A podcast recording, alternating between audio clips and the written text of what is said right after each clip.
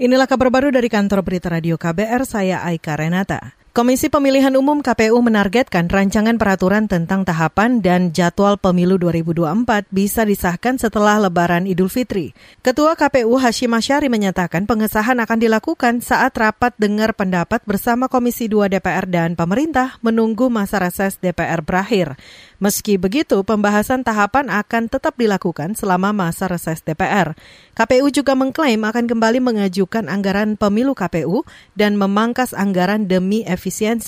KPU akan mengajukan 76 triliun dari perkiraan sebelumnya 86 triliun rupiah untuk pemilu 2024.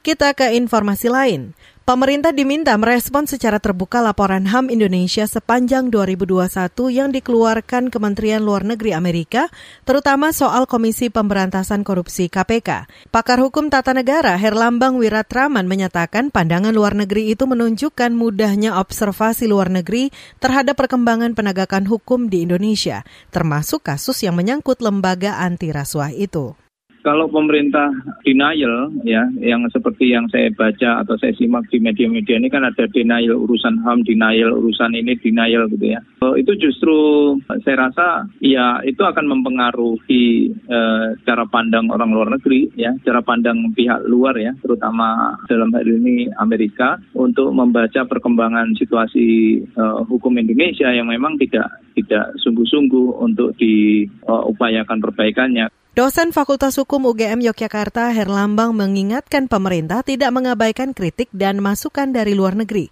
Menurutnya, catatan Kementerian Luar Negeri Amerika itu menunjukkan perlunya pembenahan penanganan hukum di Indonesia. Sebelumnya, Kementerian Luar Negeri Amerika Serikat menyoroti pelanggaran etik yang dilakukan Wakil Ketua KPK Lili Pintauli Siregar dan tes wawasan kebangsaan atau TWK dari KPK untuk pegawainya. Kita ke mancanegara. Pemerintah Malaysia mengecam tindakan pembakaran Al-Quran yang terjadi di Swedia.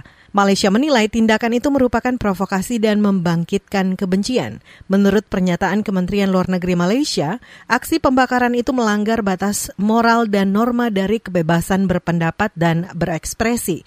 Pemerintah Malaysia menegaskan pentingnya menghilangkan segala bentuk kekerasan dan kebencian, termasuk Islamofobia.